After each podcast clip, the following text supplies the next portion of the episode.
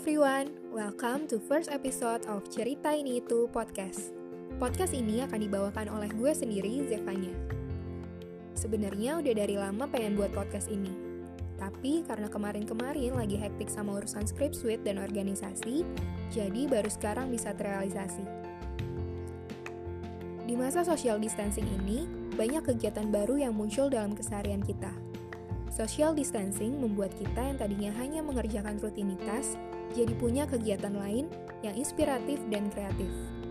Jadi terbuktikan bahwa semua orang itu bisa menjadi orang yang inspiratif dan kreatif. So, here we go. Cerita ini itu podcast.